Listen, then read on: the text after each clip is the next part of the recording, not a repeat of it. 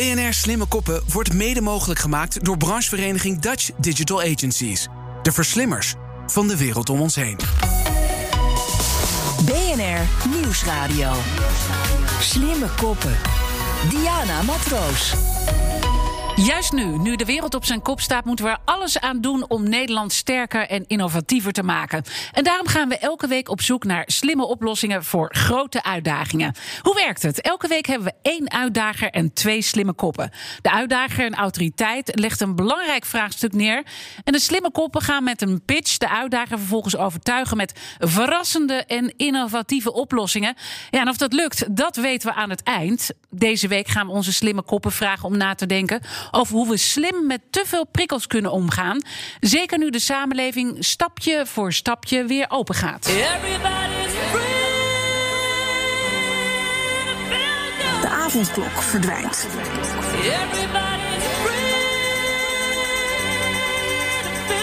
En in plaats van één mag je twee mensen thuis ontvangen. De terrassen gaan open, maar wel beperkt. Je mag met twee mensen aan de tafel zitten of met meerdere mensen uit één huishouden.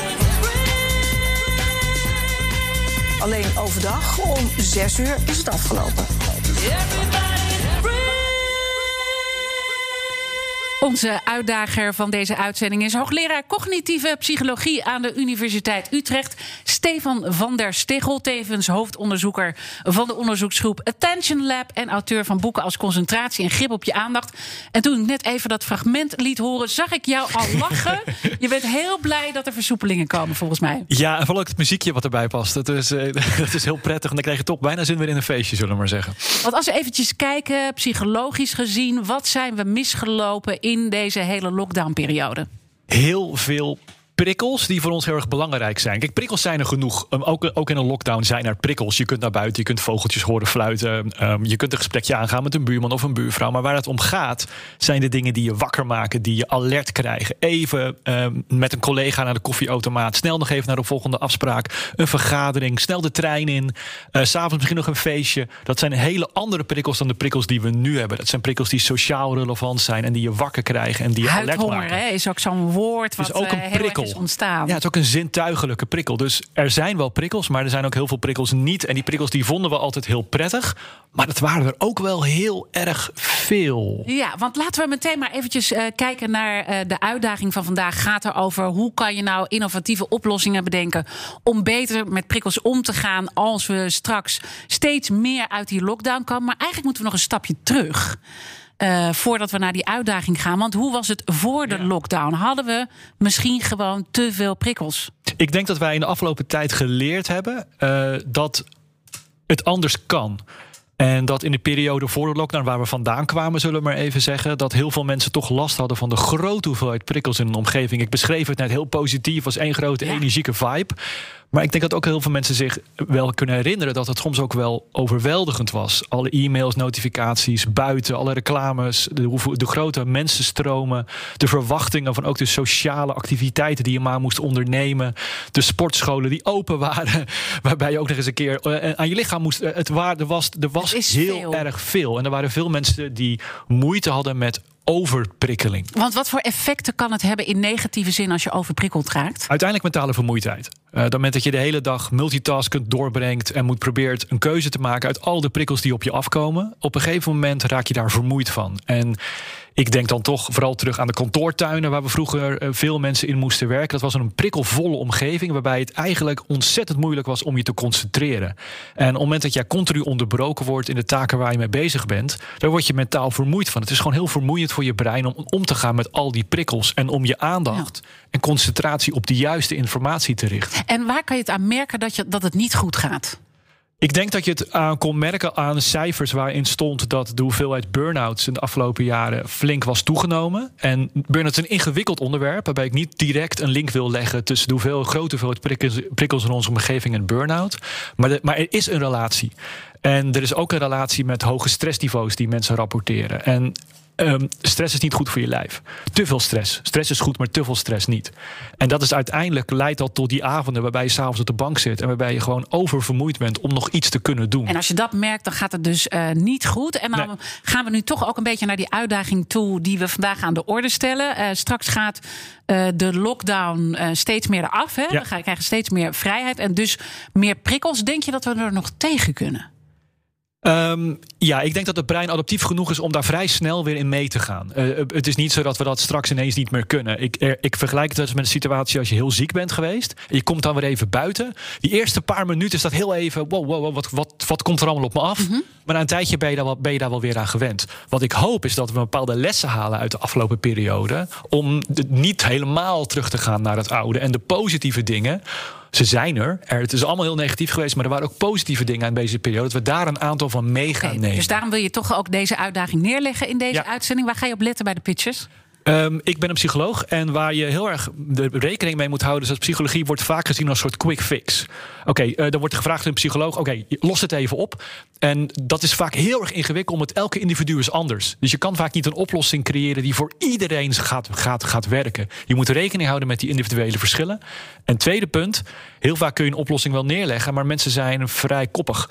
Dus gaan ze het ook daadwerkelijk doen? We kunnen wel eens allemaal zeggen van... ja, eh, we, we moeten straks veel meer thuiswerken. Maar voor hetzelfde geld gaan we allemaal weer terug naar het kantoor... en vallen we heel makkelijk weer terug in onze oude gedragingen. Goed, jij gaat je heel erg concentreren dan op de pitches. We zijn heel erg benieuwd eh, straks naar jouw reactie erop. Eh, maar we gaan natuurlijk eerst de pitches horen. Eerste slimme kop eh, die we hebben uitgenodigd is Ella Vogel. Zij is founder van MAC. En we gaan straks eh, horen van je waar die precies voor staat. Maar misschien is het toch leuk om alvast van je te horen. Hoe is het idee ontstaan? Wat maakte je zelf mee? Ja, ehm, leuke vraag om mee te beginnen, dankjewel.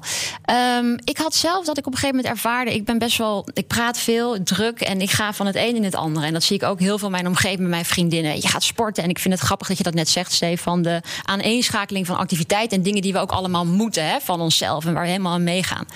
En ik was een keertje in een ruimte en toen dacht ik... ik ben hier even alleen... En het is hier stil en het is hier relaxed. En wat maak ik dat eigenlijk weinig mee gedurende de dag? En hoe belangrijk is het eigenlijk om dat te hebben? Zo'n moment wat er even helemaal niks is. En dat zat heel erg in mijn hoofd. Van wat zou dat eigenlijk voor mij doen... als ik gedurende de dag vaker zo'n moment kon inbouwen? Mooi, en daar gaat jouw pitch ook over. Precies. Ik zou Over zeggen, het hoe. één minuut pitch, heel veel succes. Dankjewel. Ehm ja, jij refereerde net, al aan ehm, hè, voor COVID-tijd. Dus toen we echt wat te maken hadden met de kantoortuin... en met alle drukte en alle prikkels om ons heen. Toen leefde heel erg de behoefte van mensen, de kranten stonden er vol van. Van ja, hoe onttrek ik mij er nou af en toe aan? En die behoefte is enorm. Dat mensen zich af en toe even af kunnen zonderen. om eventjes een een moment van niks te ervaren. Nou, zoals ik net aangaf, dat heb ik zelf ook ervaren. En ik denk juist door COVID ook dat dat, dat nog meer aan het licht heeft gebracht. We hebben allemaal gezien dat we op een andere manier kunnen werken met elkaar. Maar werk en privé loopt ook nog meer in elkaar over. En nou, hoe ga je daarmee om? Het hoe is vooral het hele moeilijke. Want als je dat dan wil gedurende de dag, hoe doe je dat dan? Waar begin je dan? Ga je dan naar de wc met je ogen dicht zitten 10 minuten? Of ga je in een boardroom die tegenwoordig allemaal van glas zijn? En daar ging het mij om. Daarom heb ik MAC bedacht. MAC is een eh, multipurpose personal space. Een omgeving waar je je terug kan trekken, die privacy biedt en comfort. En waar je even je eigen wereldje kan creëren. Ehm, we zien MAC op de werkvloer, maar ook op Schiphol, eh, in hotels, eh, straks ook op universiteiten. En het is een ruimte die je helemaal eh, eigenlijk kan schaven naar eh, ja, wat, jij, eh, wat werkt voor jou. Dus denk aan lichtsettings, type geluid, wat je wil horen. En eh, het is een moment van rust, afzondering, voor focus. En je mag helemaal zelf weten wat je er dan precies doet. Goed, dankjewel eh Ella. Mooie pitch eh, van jou. We gaan straks natuurlijk daar eh, dieper op in. Maar ik wil eerst naar onze eh, tweede slimme kop gaan. Dat is eh, Ben van den Burg, IT-ondernemer, CCO bij Triple. En panellid van ons slimme, panel, eh, kop, slimme koppenpanel. Eh, en je bent natuurlijk ook oud-topschaatser. En, Ja. en het mooie is van eh, topsporters... die moeten vaak eh, heel erg focussen, je afsluiten. Is in die zin die lockdown-periode voor jou makkelijker geweest? Of is dat... eh Ik weet niet of dat ermee te maken heeft, maar eh, focus, dat zit erin. Nee, ik had meer van, kijk, mijn hobby is lezen en in het bos wandelen. Ja, Nou ja. Je kwam aan je trekken. Ja, ik ben geen, eh, geen, eh, geen café bezoeken of eh, grote weet je, feesten. Ja, daar ben ik niet van. Dus ja, dat, dus het was vrij makkelijk voor me. Oké, dus persoonlijk was het een hele mooie tijd voor jou. Ik ben heel erg benieuwd naar jouw innovatieve idee. En ook jij een één minuut pitch. Succes. Ja. Nou, ik moest denken aan zes, zeven jaar geleden. Toen eh, kwamen die virtual re- reality brillen op. En ik zat op een gegeven moment, kwam ik, weet je, ik word altijd misselijk in dat ding. Maar op een gegeven moment zei Ben, je moet hier eens in, in gaan zitten. Dus ik ging, zet die virtual rea- re- reality bril op. En ik had mooie muziek van Niels Vraam, mooi componist. En ik in het universum. En ik reisde door het universum. En echt na een kwartier maakten mensen mij wakker. Ben, ben je nog? Het was echt, ik zat in een wereld, ik was totaal had ik niets. Het- het- Dus kan een mens in het niets verdwijnen? Dat, gevoel had ik door virtuality. Toen dacht ik in mijn pitch, moet veel meer, we moeten het vaak over de metaverse hebben. Ik vind dat concept uit 1992, de science fiction eh schrijver Neil Stevenson in Snow Cash. Crash kwam hij met dat concept, de metaverse. Dus je komt in een wereld, in een virtuele wereld, die mooier is, fijner is, meer ontspannen is, heftiger is, spannender is. Dus alle emoties, alles wat je wil en kan, wordt in die metaverse, wordt dat werkelijkheid. Nou, persoonlijk dus. Dus je hebt precies dat persoonlijke van die metaverse. Dat kan je ja, bereiken. En we denken gelijk aan de metaverse aan Fortnite. Fortnite is ook een metaverse, daar kunnen we schieten. Maar ik zie ook heel erg van dat ik in een wereld kom... en dan kan ik ook ontspannen, minder prikkels enzovoort. Dus ja, ik wil die metaverse promoten. Mooi. Eh, ook eh, daar een eh, heel duidelijk idee eh, welke kant het op moet. Eh, ik ga naar de uitdager, hoogleraar cognitieve psychologie aan de Universiteit Utrecht. Stefan van der Stichel, wat is je opgevallen? Wat me opvalt is dat er eigenlijk een soort gemene deler is. Het is ontsnappen. Het is ontsnappen aan waar je op dat moment bent. En dat vind ik een hele grappige deler. De ene kiest voor een aparte ruimte waar je in terecht kan komen. Waar je op dat moment echt eventjes je af kan sluiten van de, van de rest van de wereld. En eigenlijk is het bij virtual reality precies hetzelfde. Dus je ontsnapt aan eigenlijk... Zou bijna kunnen zeggen van nou, de, de, de wereld zelf ga je niet veranderen. Maar je verzint eigenlijk een oplossing om daar niet te hoeven zijn. En is dan eh, die technologische oplossingen die hier geschetst worden, denk je dat dat dan gaat eh, werken? Of heb je daar nog eh, kritische vragen over? Ik heb altijd uiteraard kritische vragen Mooi. over, anders zou ik hier niet zitten natuurlijk. Ja. Dus ik- Ehm, waar ik me, wat ik me afvraag, en ik denk dat ik met jou even begin, Ella, Ja. is, is... Vinden mensen het prettig om volledig afgesloten te zijn? Ik ben zelf licht claustrofobisch. Als ik jouw pitch hoor, denk ik: oh nee, ik Ja. krijg een angstaanval en de, mijn, Want het is een mijn soort hartslag gaat waar je in eromhoog. zit, hè, Ja, geloof ik. klopt. Ja. Hij is heel mooi gedesigned. Je hebt heel veel ruimte voor jezelf. En eh, het is een hele terechte vraag. We doen daar ook veel testing naar. Dus we hebben een, eh, een eerste soort van schuimmodel gemaakt. Echt de life size van nou, hoe voelt dat nou? En we merken eigenlijk daaraan dat mensen het eh, verrassend prettig vinden. En er is maar een enkeling die zegt... nou, ik zou er misschien wel een raampje in willen... dat ik naar buiten kan kijken op een bepaalde manier. Eh, dus dat is zeker iets waar we aandacht aan besteden... ook met het verdere testen van het, van het model. Maar ik vind het zelf heel bijzonder dat eigenlijk al bij mensen het zien van die vorm.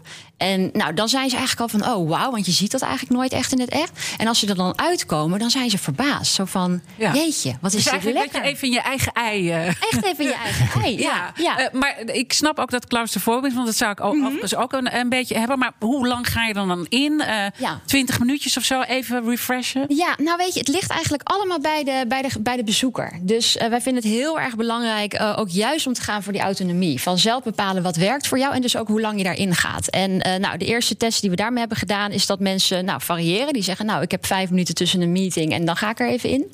Ehm, en andere mensen vinden het heerlijk om maar twintig minuten in te zitten. Of om En wat een doe je dan in die te doen. tijd? Wat- Nou ja, kijk, eh, de mogelijkheden zijn eindeloos. Ik zou hem zelf gebruiken waarschijnlijk voor het inbouwen van eh, mijn eh mediteerroutine. Ik vind dat ik, nou, ik zou dat graag verder willen, willen opbouwen, maar ik, ja, dat lukt me gewoon steeds niet, niet thuis op de plekken waar ik ben. Eh, maar het kan ook een plek zijn waar je even hè, reflecteert of even gaat dagdromen. Nu hadden we die kantoortuinen. En die kantoortuinen die werden vaak omgebouwd. En er werden van die concentratieplekken gebruikt. Ja. Wat daarmee gebeurde, is dat mensen 's ochtends om 8 uur gingen ze daar een handdoekje neerleggen. Om Ja. de, rest, de rest van de dag, de hele dag in die, in die isolatieruimte door te mogen brengen. Ja. Ben je daar niet bang voor dat het gewoon continu bezet gaat zijn? Dat mensen denken, nou, eh, deze, Ik deze ga act is voor telefoontjes mij. hier ook doen. Deze is voor mij de hele voorbeeld. dag. Ja. Nee, wellicht. Ik denk het eigenlijk tot nu toe niet. Want als we het ook met mensen over hebben en ook in de service die we het uitvragen, en nou, daar gaan we nog veel meer van doen, eh, zien we eigenlijk dat mensen daar zelf Nou, voor nu zien dat ze er niet langer dan drie kwartier in gaan. En dat zijn natuurlijk ook dingen die je technologisch gezien ehm, Ja, een beetje kan ja, ondersteunen. ja, hè? Want, want de deur zit dicht. En dat je bijvoorbeeld zegt, nou ja, eh, een bedrijf die zegt, nou na een half uur moet die deur gewoon open. En dan gaat die open. Ja. Dus, eh, maar- dus daar komen we uit. Goed, eh, ik, ik zit even ook naar eh, Ben te kijken. Want welke diepere laag eh, ehm, wilde jij ook aanboren als het gaat? Weet je, je kan die, die technologische innovaties daarvoor gebruiken. Een VR-bril of een noise cancelling. Maar het gaat er toch ook om, want dat zeg jij ook, Stefan. Het gaat over ontsnappen. Ja, dat die vind ik interessant. gewoon niet meer met de situatie om kunnen gaan. Nou, maar ik wil even op dat ontsnappen. Kijk, als jij kijkt echt naar de metaverse in die, eh, in die science fiction. In die science fiction boeken, dan is het ontsnappen de, de werkelijkheid die we nu hebben. Dan is de echte wereld is dan dat je in die metaverse zit. En de ontsnapping is ook moet even uit die metaverse. Dus dat is al aardig. Maar dat is natuurlijk heel ver weg. Dat ontsnappen vind ik, vind ik op zich interessant. Maar ik denk dat de mens wel altijd. Ons, weet je, je bent constant ben je in jezelf of met iets anders bezig. En ik, die, die, de, de weg naar die metaverse toe is dat zijn die technologische ontwikkelingen. In, inderdaad, noise counseling heb je alles al buiten je. Je gaat even gamen met drie schermen, dat je even ons, de, de ontsnap je. Maar je traint dan ook weer je concentratie. En je traint ook weer ja, dat je weer even je hersenen tot rust kan brengen. Niet met gamen, maar als je een, een meditatiegame hebt, wel. Ja. Dus mij gaat het erom. Kijk, wat, je had het over sport net. Hè. Deze is echt heel belangrijk. Wat wij doen, en daar kan technologie bij helpen. Wat wij te weinig doen, naar mijn idee, is onze hersens trainen. Wij, fysiek trainen wij. Maar met fysiek is er omvang, intensiteit, rust. Dat is een cyclus. Dat is, dus dat moet je constant doen. Is het periodiseren van je fysiek. Maar hoe vaak periodiseer je nu met je hersens. Dat ik denk, ik lees nu heel veel. Dan lees ik heel weinig, maar wat ik lees heel geconcentreerd. En dan neem ik rust. En dat ook in periodes Ja. doen. En ik begrijp dat je dan vaak naar jouw 16-jarige dochter kijkt... die gewoon suf uit het raam kan kijken. Gewoon even niks doen. Nou, eh, inmiddels. Nou ja, suf is een Nee, nee, nee, dat is een hele goeie. Inmiddels is zij 27 en mijn vrouw Oh. hield haar vroeger thuis. Weet je, gewoon thuis Ja. van school. En die zei van, vandaag ga jij eens een ochtend naar bomen kijken. En mij, nou, die is mishandeld, mijn dochter. Nee, maar uiteindelijk... Nee, maar de- zij kan dus extreem goed concentreren. Want dat, daar gaat het toch uiteindelijk om, dat we dat leren? Ja, ik vind het onwijs mooi dat je dus gevarieerd in je hersens traint op allerlei verschillende manieren. En daar helpt dus technologie bij. Ja. Ik, ja, tot een bepaalde mate, denk ik. Want er, er is niet zo heel veel wetenschappelijk bewijs. En ik weet niet of je daar naar refereert, maar ik wil toch zeggen van dat soort breingames. Nee, dat weet ik. Nee, oké, want Nee, dat wil ik luisteraar niet. heel duidelijk maken. De beste van. Jij manier zit hier natuurlijk als hoogleraar, Ja, dat snap ja, ik nee, ook. heel Ja. goed. Dat is nu En met technologie wordt continu gezegd: hiermee train je je brein. Oh, daar is verdomde weinig bewijs. Precies wat jij zegt. Beste manier om te leren lezen: lezen. Ja. en niet een of ander spelletje spelen. Je wordt beter in dat spelletje. Maar dat generaliseert totaal niet naar de echte wereld toe. Dus dat is met dat brein trainen is de beste manier om het te doen en te implementeren. En daadwerkelijk de wereld in te gaan en te gaan lezen en te gaan ontspannen. Niet, niet spelletjes gaan spelen en zo. Dat, dat is niet goed. Nee, maar we moeten dus wel kwalitatief leren ontspannen. En wat is dat dan? Ontspannen is eigenlijk, kijk, je hebt je, dingen doen die geen aandacht van je vereisen. Ehm, eh, dus aandacht, zijn alle zaken die niet automatisch gaan in je leven. Dus het is wandelen en zo. Daar gaat, hoef je, hoef je allemaal, hoef je, uit je raam te staan, hoef je allemaal, allemaal, hoef je allemaal niet over na te denken. Maar lezen, praten, denken, schrijven. Dat zijn allemaal dingen die je beroept op je werkgeheugen. En wat we doen is, we zitten de hele dag taken uit te voeren die een beroep doen op dat werkgeheugen, waardoor het niet tot rust komt. En niets doen is dus gewoon die wandeling maken in het natuur. En even gewoon dagdromen, even niks doen. En Ja. daar is jouw oplossing mooi voor, Ben, denk ik. Omdat het, met zo'n bril ga je eigenlijk vanzelf dat mind-wandering state in. Eh, en dat is fijn om een periode eh, te, te zijn. Dat kan ook met een wandeling in de natuur. Ik denk dat het precies hetzelfde effect heeft. Maar dit is even die bril op en je gaat verder. En met, jou, met je- en met jouw eh, ruimte natuurlijk, waar je even kunt ontsnappen. Dat zijn goede momenten om je even niet zo bloot te stellen aan die prikkels om je heen. Want als je even geen natuur om je heen hebt, dat, dat heb je wel eens niet op een industrieterrein Ja. waar je kantoor staat Dan is dit wel een mooie. is dit een mooie proxy. escape. Met virtual reality vind ik ook nog wel spannend. Vergelijk een beetje met claustrofobie. Wat volgens mij mensen heel erg spannend vinden is virtual reality is niet meer die misselijkheid. Dat is redelijk opgelost. Maar wat niet opgelost is, is je contact met de buitenwereld. En er is een systeem in ons, in ons lichaam, in ons brein, wat het heel erg moeilijk vindt om, als je tegen iemand zegt, doe eens even je ogen dicht. Heel spannend. Ja. Want je hebt dat met. Je, je Maar is toch dat niet ook spannend nodig. dan bij het verhaal van Ella? Dat je dus eh, in dat ei moet gaan en nu moet ik gaan eh, ontspannen. Dat er een Nee. soort druk juist Nee, komt. juist niet. Kijk, Juist daar willen we juist van wegblijven. Ik nee. denk waar eh, en, en de merk en het, met het ontsnappen vind ik ook, een ja, weet ik ook niet of dat, of dat de lading dekt. Ik denk dat het, mm, ja, je biedt mensen de ruimte en de mogelijkheid om iets te doen waar ze zelf ehm, baat bij hebben. Dus je faciliteert daarmee de ruimte dat ze zich terug kunnen trekken. En wat ze daar dan verder gaan doen, dat mogen ze zelf weten. En dus ook met het, hè, wij zaten eerst heel erg op het thema en dat je moet er ontspannen of relaxen. Maar dat willen we er juist mm van afhalen. Het enige wat belangrijk is, is dat je je terug kan trekken. En daar dus de vrijheid hebt hoe je dat eh, Precies. doet. Maar dan, nu wil ik toch ook even, want jij, jij eh, bent met bedrijven bezig. En Ja. volgens mij loopt het aardig. En moet je Zeker. opeens nu eh, gaan schakelen om in de Ja. hoogste versnelling te Klopt. komen. Dus je mag je prikkels wel onder controle houden, denk ik. Maar wa- wat, wat is nou de verantwoordelijkheid eh, eh, voor de werkgever? Hè? Want ik bedoel, jij zei al net even die kantoortuinen. Moeten we misschien gewoon mee stoppen? Moeten we misschien ook ander type leiderschap hebben? Om ook te zorgen dat prikkels ook op andere manieren verminderd kunnen Ja, worden. wat je heel erg vaak hoort, en ik heb daar wel sympathie voor, is dat dit soort oplossingen die nu worden voorgesteld, dat zijn eigenlijk een soort, nou ja, zeg maar, een klein ko- korte termijn oplossingen. Een soort, een soort, eh, noem je dat een doekje tegen bloeden. Wat je eigenlijk wil, is structurele veranderingen in die, in die, in die in de bereikbaarheid waarin, waarin we zitten. En mensen even een cursus meditatie aanbieden als werkgever is niet genoeg. Je moet voor elkaar zorgen dat mensen tijdens een dag ook even kunnen ontspannen. En dat ze niet op het moment dat ze daarmee klaar zijn, dan weer overstelpt worden met die prikkels. Dus een combinatie, denk ik. Ik vind het hele mooie oplossingen. Maar het is niet het enige. Je moet daar iets aan gaan toevoegen, zodat je ook op het moment dat je de ei uitkomt of de bril afzet, Ja. dat je dan ook nog kunt overleven. Ja, ben jij daar ook bewust van, Ben? Want je zit hier ook als eh, Continu. CEO, eh, CCO van eh, Ja. eh, Triple. Ehm, jij bent natuurlijk ook verantwoordelijk voor jouw Ja. mensen op dat punt. Hoe doe je dat dan? Nou ja, door gewoon te zeggen: ga nu alsjeblieft even wandelen. Eh, Weet je, het is knapper vaak om niet te werken, om de rust te nemen. Dat is knapper dan wel te werken. Want dat kunnen we allemaal. Die acht, negen uur maken, prima. Maar heb jij het lef om iets te laten liggen want, en er extra over na te denken, zodat je tot een creatievere oplossing komt? Dus daar moet je mensen gewoon op aanspreken. Dus het vraagt ook ander type leiderschap. Precies. En natuurlijk hebben wij ook een zenruimte en dan kunnen mensen zen. Maar dat is ook dat is allemaal oppervlakkig. Het gaat erom dat je in je dagelijks. Zeg maar, be- als je, als je met, eh, met mensen bezig bent, dat je ze bewust maakt van je hersens moeten af en toe rust hebben. En af en toe heel intensief en af en toe heel veel omvang. Ja, en is het dan ook een beetje stoer juist om eh, eh, lekker druk? Ik bedoel, jij bent druk, hè? Jij hebt altijd, jij hebt altijd prikkels. Ik heb Je voldoende. hebt heel veel. ik En vinden mensen ook leuk bij jou? Ja, maar mijn, mijn kunst is juist voor rust natuurlijk. Andere, heel veel mensen moeten gestimuleerd worden. Ik moet juist, heet het rust. Dus daar moeten mensen mij op aanspreken. Ben nu even kappen.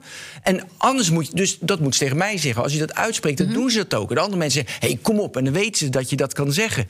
Dat Ja. je het wel uitstelt, of juist niet. Eh, we gaan eh, bijna afronden hier op, op de radio. We Ik heb voor de podcast hele belangrijke dingen. Dus mensen moeten de podcast Oké, ik hou hiervan. Dat jij even lekker die tease neerlegt. Maar toch even voor de mensen die hier wel afsluiten. Wat is je belangrijkste takeaway, eh Stefan van der Stichel... als hoogleraar cognitieve psychologie? Ik vind het heel belangrijk dat ik duidelijk merk dat hierover nagedacht wordt. Eh, En dat we dat, de, denk ik, de tijd waaruit waar we vandaan komen, de coronacrisis, dat het ons extra op de. Jullie maken deze uitzending nu ook. Dus daar ben ik heel blij mee. Het feit dat we dit gesprek starten. Want wat jij net verteld Ben. Eh, dat gesprek wordt vrij weinig gevoerd op de werkvloer. Dus nu, het was vooral knallen, knallen, knallen. Dus dat is wel een belangrijke tip die je geeft. Een belangrijke tip. Start het gesprek over het belang van aandacht en concentratie nu. Het is goed voor je productiviteit. Het is goed voor je mentale gezondheid. En je dat wil geen mensen met burn-out. Want daar leidt het uiteindelijk natuurlijk... als, het, als je stapelt, stapelt, stapelt... leidt dat, leidt Is dat één van de mogelijke uitkomsten die je hoort? Ja. Maar, het is het, ja, maar er Ja. zijn genoeg andere dingen. Want eh, het is ook heel erg vervelend om s'avonds gewoon mentaal totaal vermoeid op de bank te zitten. Dat is ook niet Dat wil je mensen ook niet aan. En het is niet goed voor je, het is niet goed voor je productiviteit. Je productiviteit, en dat is als bedrijf ook belangrijk. Je haalt meer uit je mensen. Straks meer tips eh, ook van jouw hand. Wat is jouw takeaway, Ella? Ehm, Van de Mac? Van de Mac, nou ja, weet je, de zichtbaarheid is gewoon heel erg belangrijk. Laten zien als werkgever, ook omdat we straks heel erg anders met elkaar gaan werken, met het hybride, meer thuis, kantoor krijgt een andere purpose.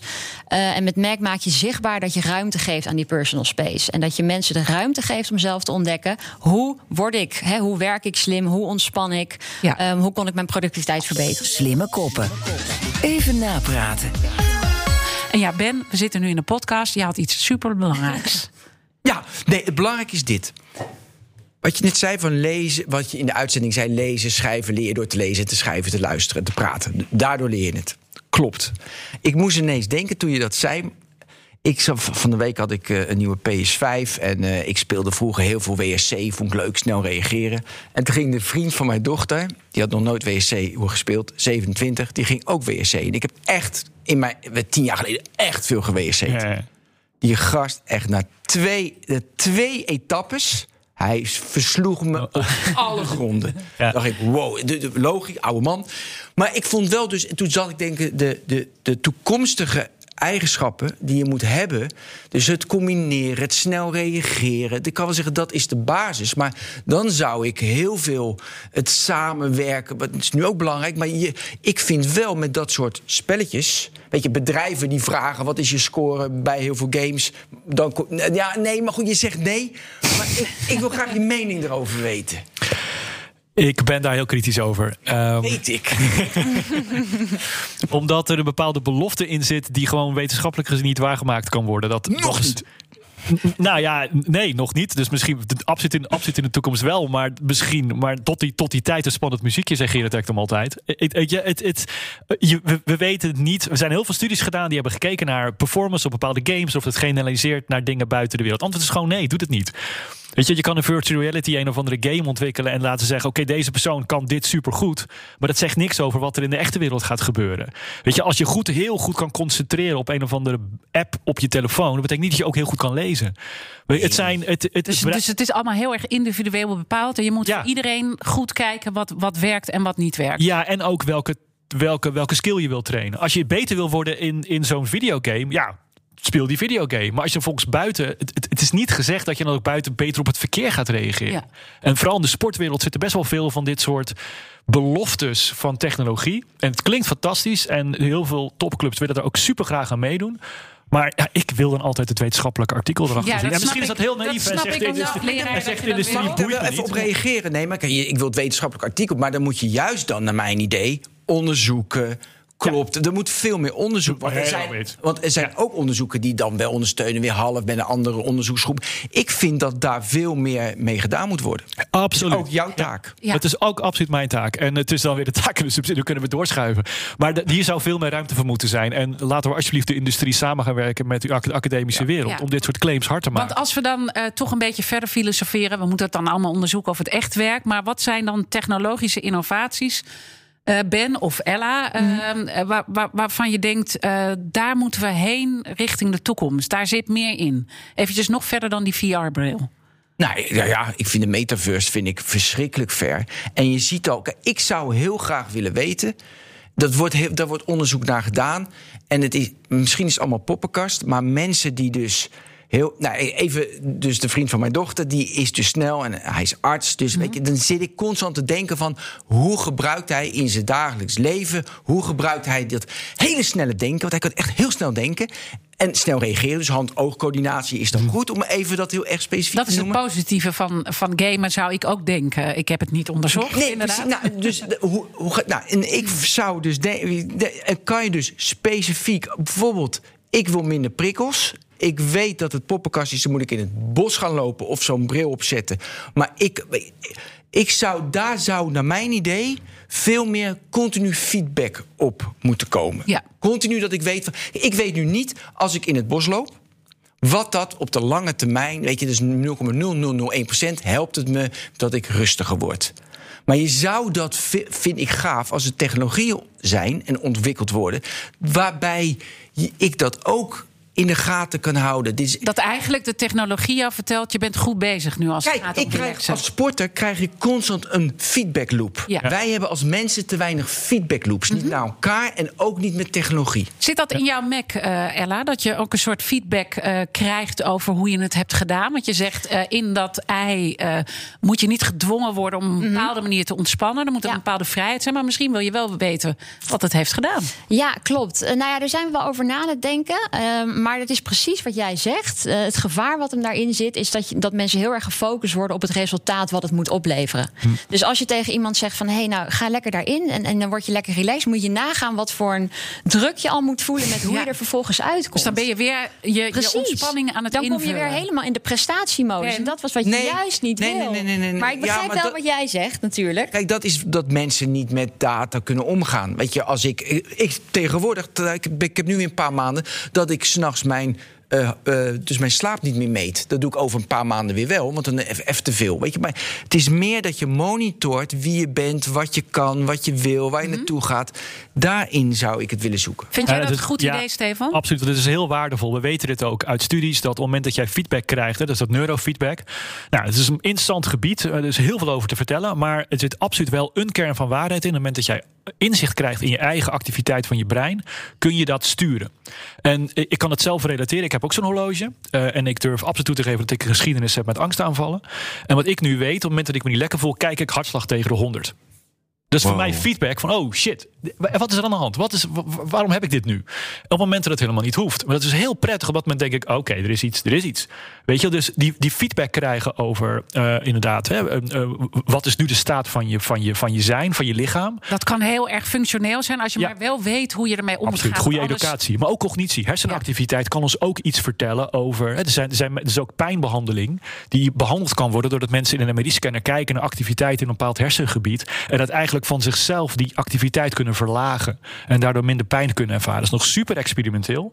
Maar als je dit kan vertalen in inderdaad de, de feedback waar jij over hebt, dat je, toe, tot je toegang krijgt van je bent nu mentaal vermoeid. Vermoeid. Het is heel moeilijk. Wat, wat is mentale vermoeidheid? Dat is ontzettend moeilijk te conceptualiseren en daar, en daar iets op te verzinnen. Maar op het moment dat je dat zou ontwikkelen, dat, dat is denk ik heel erg waardevol. Daar- Die wearables, die, die, die, kunnen ons, die kunnen ons daar de Kunnen ons toekomst daar helpen. En zelfs meer nu, vertellen, nu ja. hebben ze ook al denk ik toegevoegde waarde voor sommige mensen. Ja. Eh, ik wil toch nog even terugkomen op het begin van het gesprek, eh, Stefan. Toen zei jij van, ik maak me eigenlijk niet zo'n zorgen als die lockdown er steeds verder afgaat. Of we dat wel aankunnen nog, hè, die prikkels. Je zei van, we zijn als mens wel heel erg eh, Denk jij dat ook, Ben?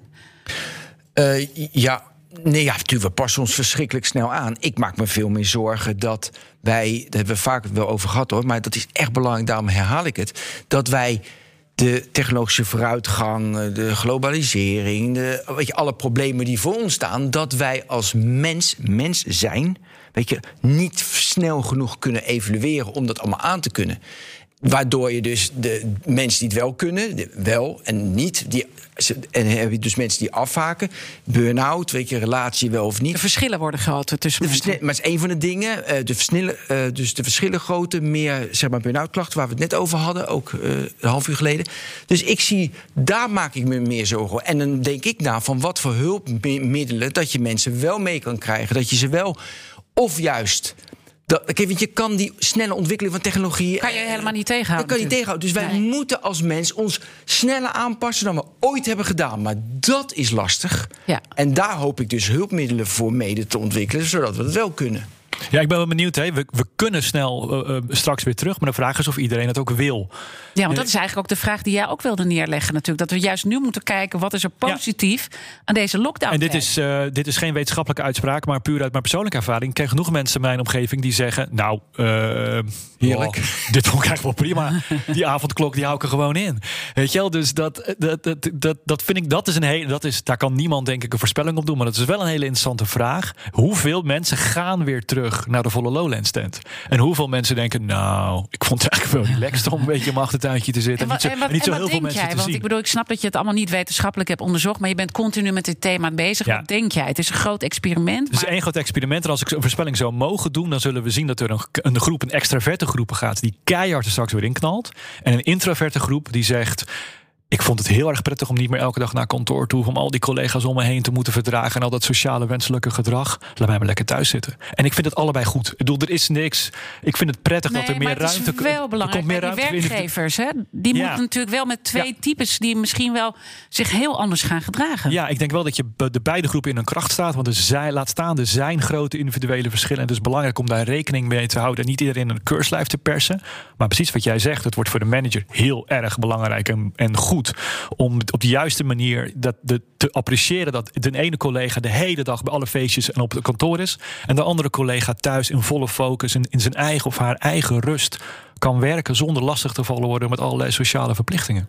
Kan je wel zeggen wat werkgevers in zijn algemeenheid beter wel en niet kunnen doen? Als het gaat om je mensen te veel overprikkelen. In ieder geval stoppen met de kantoortuin. Ja, en Hey. ook eh, afspraken maken over bereikbaarheid. Want nu in deze samenleving is, wordt het, worden mensen die bijvoorbeeld snel reageren op een e-mail, en snel reageren op WhatsApp of welk platform Slack je ook gebruikt. Dat wordt gezien als heel betrouwbaar. Zoals die een berichtje stuurt, ik vrij snel reactie, daar kan ik lekker snel mee schakelen. Maar wat is diegene aan het doen? Diegene laat zich op dat moment verstoren door één notificatie of door een berichtje. En haal je, haalt zich eigenlijk daardoor uit de volle focus. Ik wil veel meer waardering voor mensen die aan het einde van de dag is die mailboxes openen. En om eens te kijken wat er gebeurt is, die de rest van de dag pauze hebben genomen, zich hebben geconcentreerd. En niet de hele tijd maar open stonden voor al die notificaties. Maar er zijn heel weinig afspraken over. Er zijn weinig afspraken op de werkvloer over hoe bereiken we elkaar. En welk platform gebruiken we nou eigenlijk? En wat is de urgentie van een bepaald platform om elkaar te berichten? We hebben nu meer platformen dan ooit door de lockdown. Ik heb er ook vier bij gekregen. Waardoor ik allerlei berichten moet ontvangen en ook nog eens een keer moet antwoorden. Ja, en op allerlei verschillende plekken. hè. Ik bedoel, eh, LinkedIn, WhatsApp, Oh, eh, e-mail. Het is af en toe gewoon niet meer. Nee. Eh, Niet meer Eh, te eh, volgen. En dan, en dan krijg je straks ook weer gewoon leuk die sociale contacten. nog eens een Zo keer. nog moeten afspreken en wandelen. En het is veel. Ella, jij zit te broeden op iets. Klopt. Nou, weet je wat het is? Ik denk dat wat jij heel goed zegt, Ben, van die, die ontwikkelingen gaan zo snel. En die wereld, dat gaan we niet kunnen veranderen. Dus wat we daar als mensen voor moeten, mee moeten doen, is dat we onszelf daar weerbaarder voor moeten maken. En ehm, ik denk dat het daarom heel erg belangrijk is om ook te kijken, hè, ook jouw stuk over in jouw boek over het nemen van pauze, het nemen van rust. Mensen leren om dat structureel te doen. Want dat, dat mis ik wel in het gesprek. We kijken heel ver vooruit en naar allerlei technologische Ja. oplossingen met VR. Maar wat gaan we nou dagelijks doen? Wat om gaan het we mensen makkelijker doen, te maken? Die nu luisteren. Letterlijk, om het makkelijker te maken om het in te bouwen. Nou, geef jij eens tips. Wat, wat, wat- Nou ja. jij, want jij hebt ook je eigen zoektocht gehad. En daar Precies. is natuurlijk Mac uit voortgekomen. Ja. Maar ik neem aan dat je ook andere elementen in jouw leven inbrengt. Ja. Om meer die rust te bewaren. Nou ja, ik eh, sta zelf eigenlijk te springen op mijn eigen Mac, eerlijk gezegd. Je wil er gewoon eentje thuis. Ehm, ja, ik wilde wel eentje thuis. Nee, maar wat ik wel heel erg. Ik heb heel veel eh, nou, eh, gesprekken gehad ook met andere hoogleraren en experts. En wat ik daar ook uit heb gehaald, is dat het inbouwen van die rustpauzes gewoon heel erg belangrijk is. Dus waar ik dat nu probeer te doen en heel bewust een wekkertje zet na enige tijd van, oh ja, hoe lang zit ik al in mijn bubbel en ik moet even iets anders doen of even naar buiten.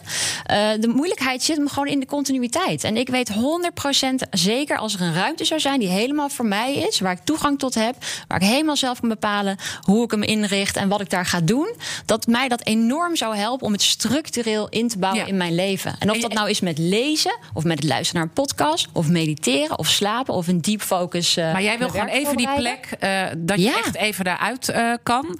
Ja. Eh, wat zijn, eh, Ben, eh, tips die jij kan geven? Misschien vanuit je sportverleden of Nou, nu, nu Ik zat, eer- hebt? ik, ik zat eerst denken, we gaan nu 15 seconden, want ik dacht dat is zo lang. Houden we stilte en kijken hoeveel mensen zijn afgehaakt in de podcast. Zullen even... Ja, we gaan het even- gewoon doen. Mensen blijven luisteren en Wacht niet even, Ik moet dus nu even mijn timertjes... Dat is een heel dit nog dapper experiment Ja, nu. ja, ja. Heel goed, heel goed. Kunnen mensen dat nog? Even kijken ook hoe dat voor ons voelt. Ja, Oké, heel eh, awkward. 15 seconden gaat nu in.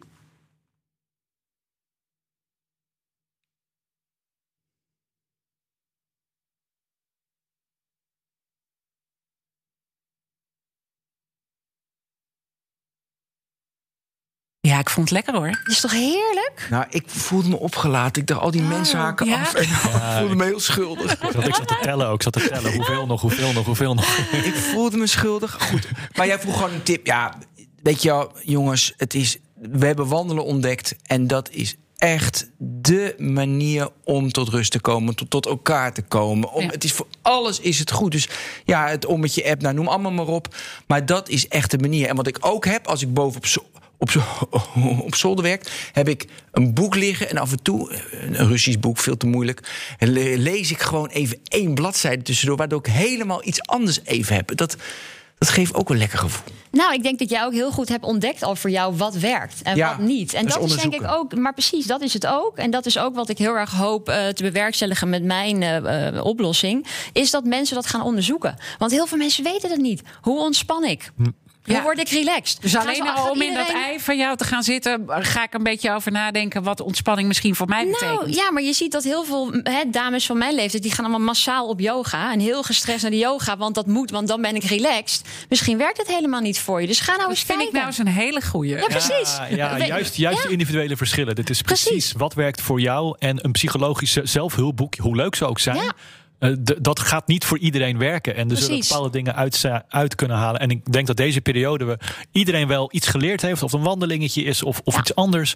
Waarvan je denkt, maar probeer dat straks erin te houden. Precies. Want ik draai hem heel klein beetje om wat net gezegd werd. Die, die omgeving, die, die verandert door. Maar ik heb het idee dat we daar wel invloed op hebben. Dat brein, dat is langzaam. Dat, die evolutie in de biologie... we kunnen ons net zo goed concentreren als 100 of 150 jaar geleden. Zeg maar, de potentie van het brein om te concentreren is niet veranderd. Die omgeving is veranderd.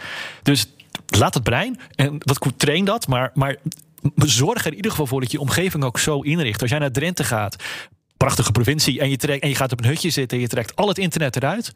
dan ben je vrij. Ja. Dus, dus ga op zoek bij jezelf wat, Ja, wat dat eh, voor jou zou kunnen zijn. Het kan nog we steeds. hebben daar echt wel invloed op. We moeten Absoluut. niet zo ons als slachtoffer laten meeslepen. Precies, ja. Door die heftige drukte. Nee, maar ik vind je moet niet in een hutje. Want kijk, ik ben 24-7, 365 dagen per jaar online. Ik ga op vakantie waar ik 5G heb, want anders word ik helemaal gek.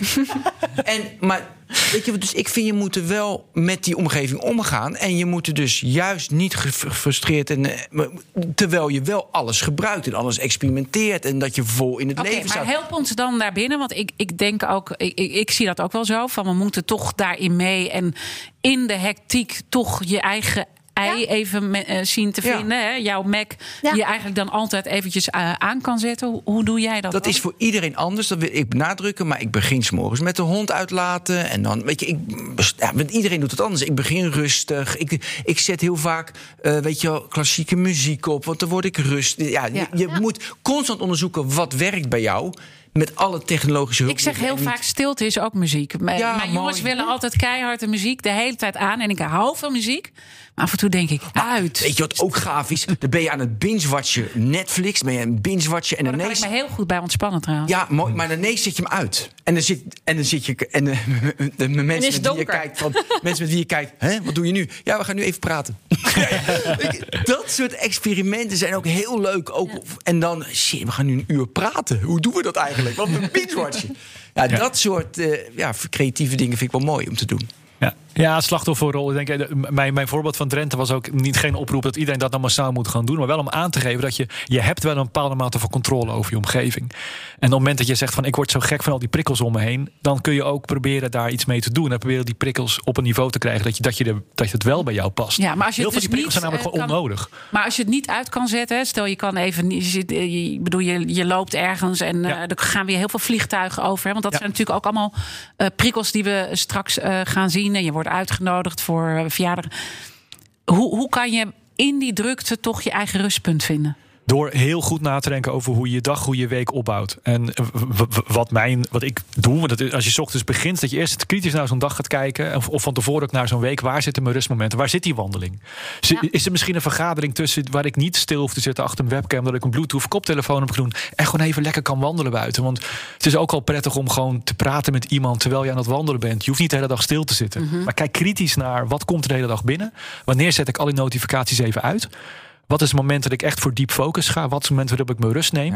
En kijk, als je een afspraak met een collega hebt, kom je ook niet te laat. Ik was hier ook op tijd. En ik heb ook afspraken met mezelf, kom ik ook niet te laat. Dus zeg, jongens, ik heb nu een andere belangrijke afspraak. dit Tuut, is tuut, want tuut. zwaar je jezelf helemaal onderaan Ja, de lijst. maar Maar dat met moet je dus, daar moet je gewoon heel eh, strak in zijn. Dus. Ja, dat is ook een Ja. afspraak met een heel belangrijk iemand. Ja. En mediteren, ben je daarvan?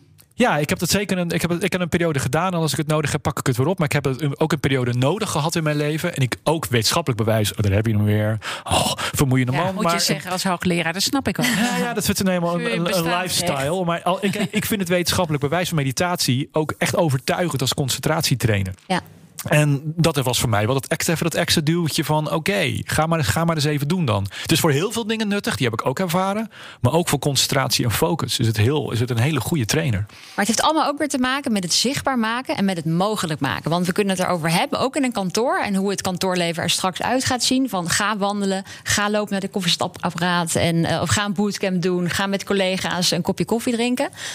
Maar laat ook zien dat je dus ruimte geeft aan die momenten. Dat je het makkelijk maakt voor mensen om die momenten in te bouwen tussen twee meetings in. Waarin je even je gedachten wil ordenen of wil dagdromen. Ik denk En dat da- het ook heel erg daarmee te En dan maken komen we toch ook weer bij die werkplek uit en de werkgever. Jij praat natuurlijk met allerlei bedrijven Ja. eh, die heel erg enthousiast worden.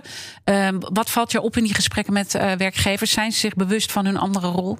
Ja, absoluut. Dus kijk, eh, employee well-being, goed voor mensen zorgen, dat was voor COVID al een belangrijk punt. De kranten stonden natuurlijk vol van overprikkels en burn-out en een ontzettend groot probleem onder een jonge generatie ook. Dus dat was al een groot thema.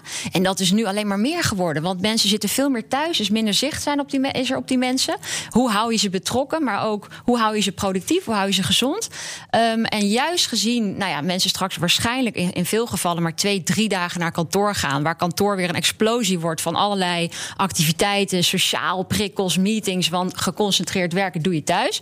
Ehm, zien ze juist heel erg dat zo'n moment heel erg belangrijk is om, om te maar dit vind ik toch nog even een punt van geconcentreerd werken doe je thuis. Ehm, ik hoor toch ook wel veel mensen die helemaal gek worden. ja. Van al die Zoom-calls. Het gaat maar door. Ja. Ik bedoel, we hebben misschien... En dan kijk ik jou ook even aan, Stefan. Ehm, jij zei van ah, aan het begin... we moeten nu kijken wat zijn de goede punten van de lockdown. En dan benoemde je een aantal punten... dat je misschien meer focus kan hebben als je thuis werkt. Maar het, er zitten toch ook echt wel Ja, die- nadelen toch aan. Nou, ja, wat, wat Ellen net beschrijft, inderdaad. Je, als je elkaar wil ontmoeten, ga je naar het kantoor toe. En dat doe je het liefst niet meer straks via video. Weet dat mensen heel erg moe worden van die Zoom-belletjes. Dat het een hele vermoeiende factor is. Net weer een onderzoek uit Amerika uitgekomen. waarbij het bleek dat het aantal verkeersongelukken na een Zoom-call hoger is. dan als je net, net geen- jeetje. geen Zoom-call gehad hebt. Jeetje. Dat betekent dat je toch een soort, soort Zoom-zombies. Wat prachtig allemaal ronken. Zoom-zombies. Ik hou van al die persbericht natuurlijk. Prachtig. Zoom-zombies. Pra- Maar weet je, het, het, ik merk het, het zelf bij mezelf ook. En waar, hoe komt dat nou weer? Nou, door heel veel dingen. Maar we, we rammen hem ook weer vol. Dus we gaan tot 59 door in de ene call. En op, weer 0, hetzelfde, en ja. op 0-0. Waarbij we dus geen momentje hebben om van de ene vergadering naar de andere vergadering te lopen.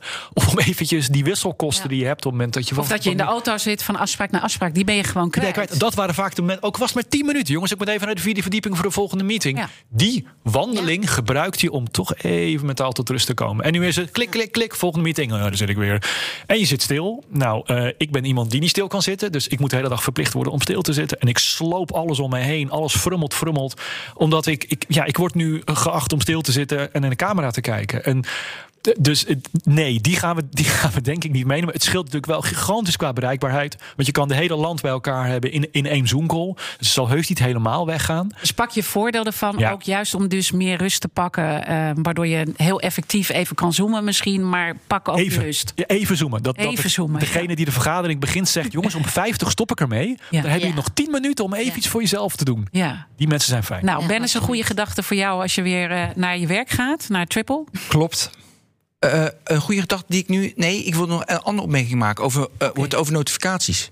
Kijk, je moet alle notificaties uitzetten. Als ik iemand zie en die krijgt een notificatie, zeg ik: ga, zet die notificatie even op je telefoon. Dat is een hele concrete. Ja. Maar je moet je natuurlijk nooit laten storen door een notificatie. Nee. Ja, die wilde ik nog even melden. Ja. Ja, heel goed. En misschien ook Siri uit en dat soort dingen. Want Al die troep moet je allemaal uitzetten. Je Zet bepaalt zelf uit. hoe je je leven vormgeeft. Ja, helemaal mee eens. Hebben we alles, jongens? Hebben we alles? Volgens Alles benoemd? Oh, nu begint jouw laptop te praten, of niet? Ik hoorde iemand zeggen, dat is niet aardig. Ja, dat is mijn Siri. Oh, je hebt toch wel Siri aan. Notificatie. Ben, Mijn Siri. practice what you preach, hè, jongen.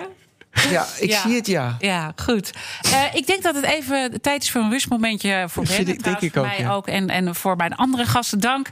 Nogmaals, hoogleraar cognitieve psychologie aan de Universiteit Utrecht. Hoofdonderzoeker van de onderzoeksgroep Attention Lab. En auteur van onder andere de boeken Concentratie en Grip op je aandacht. En hier ook op BNR ook een eigen podcast. Dus daar zitten ook veel meer tips in. En de slimme koppen van vandaag. Ella Vogel, founder van Mac. En Ben van den Burg, IT-ondernemer, CCO bij Triple.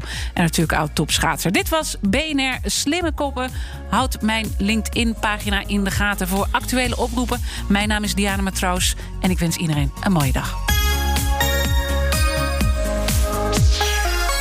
BNR Slimme Koppen wordt mede mogelijk gemaakt door branchevereniging Dutch Digital Agencies. De verslimmers van de wereld om ons heen.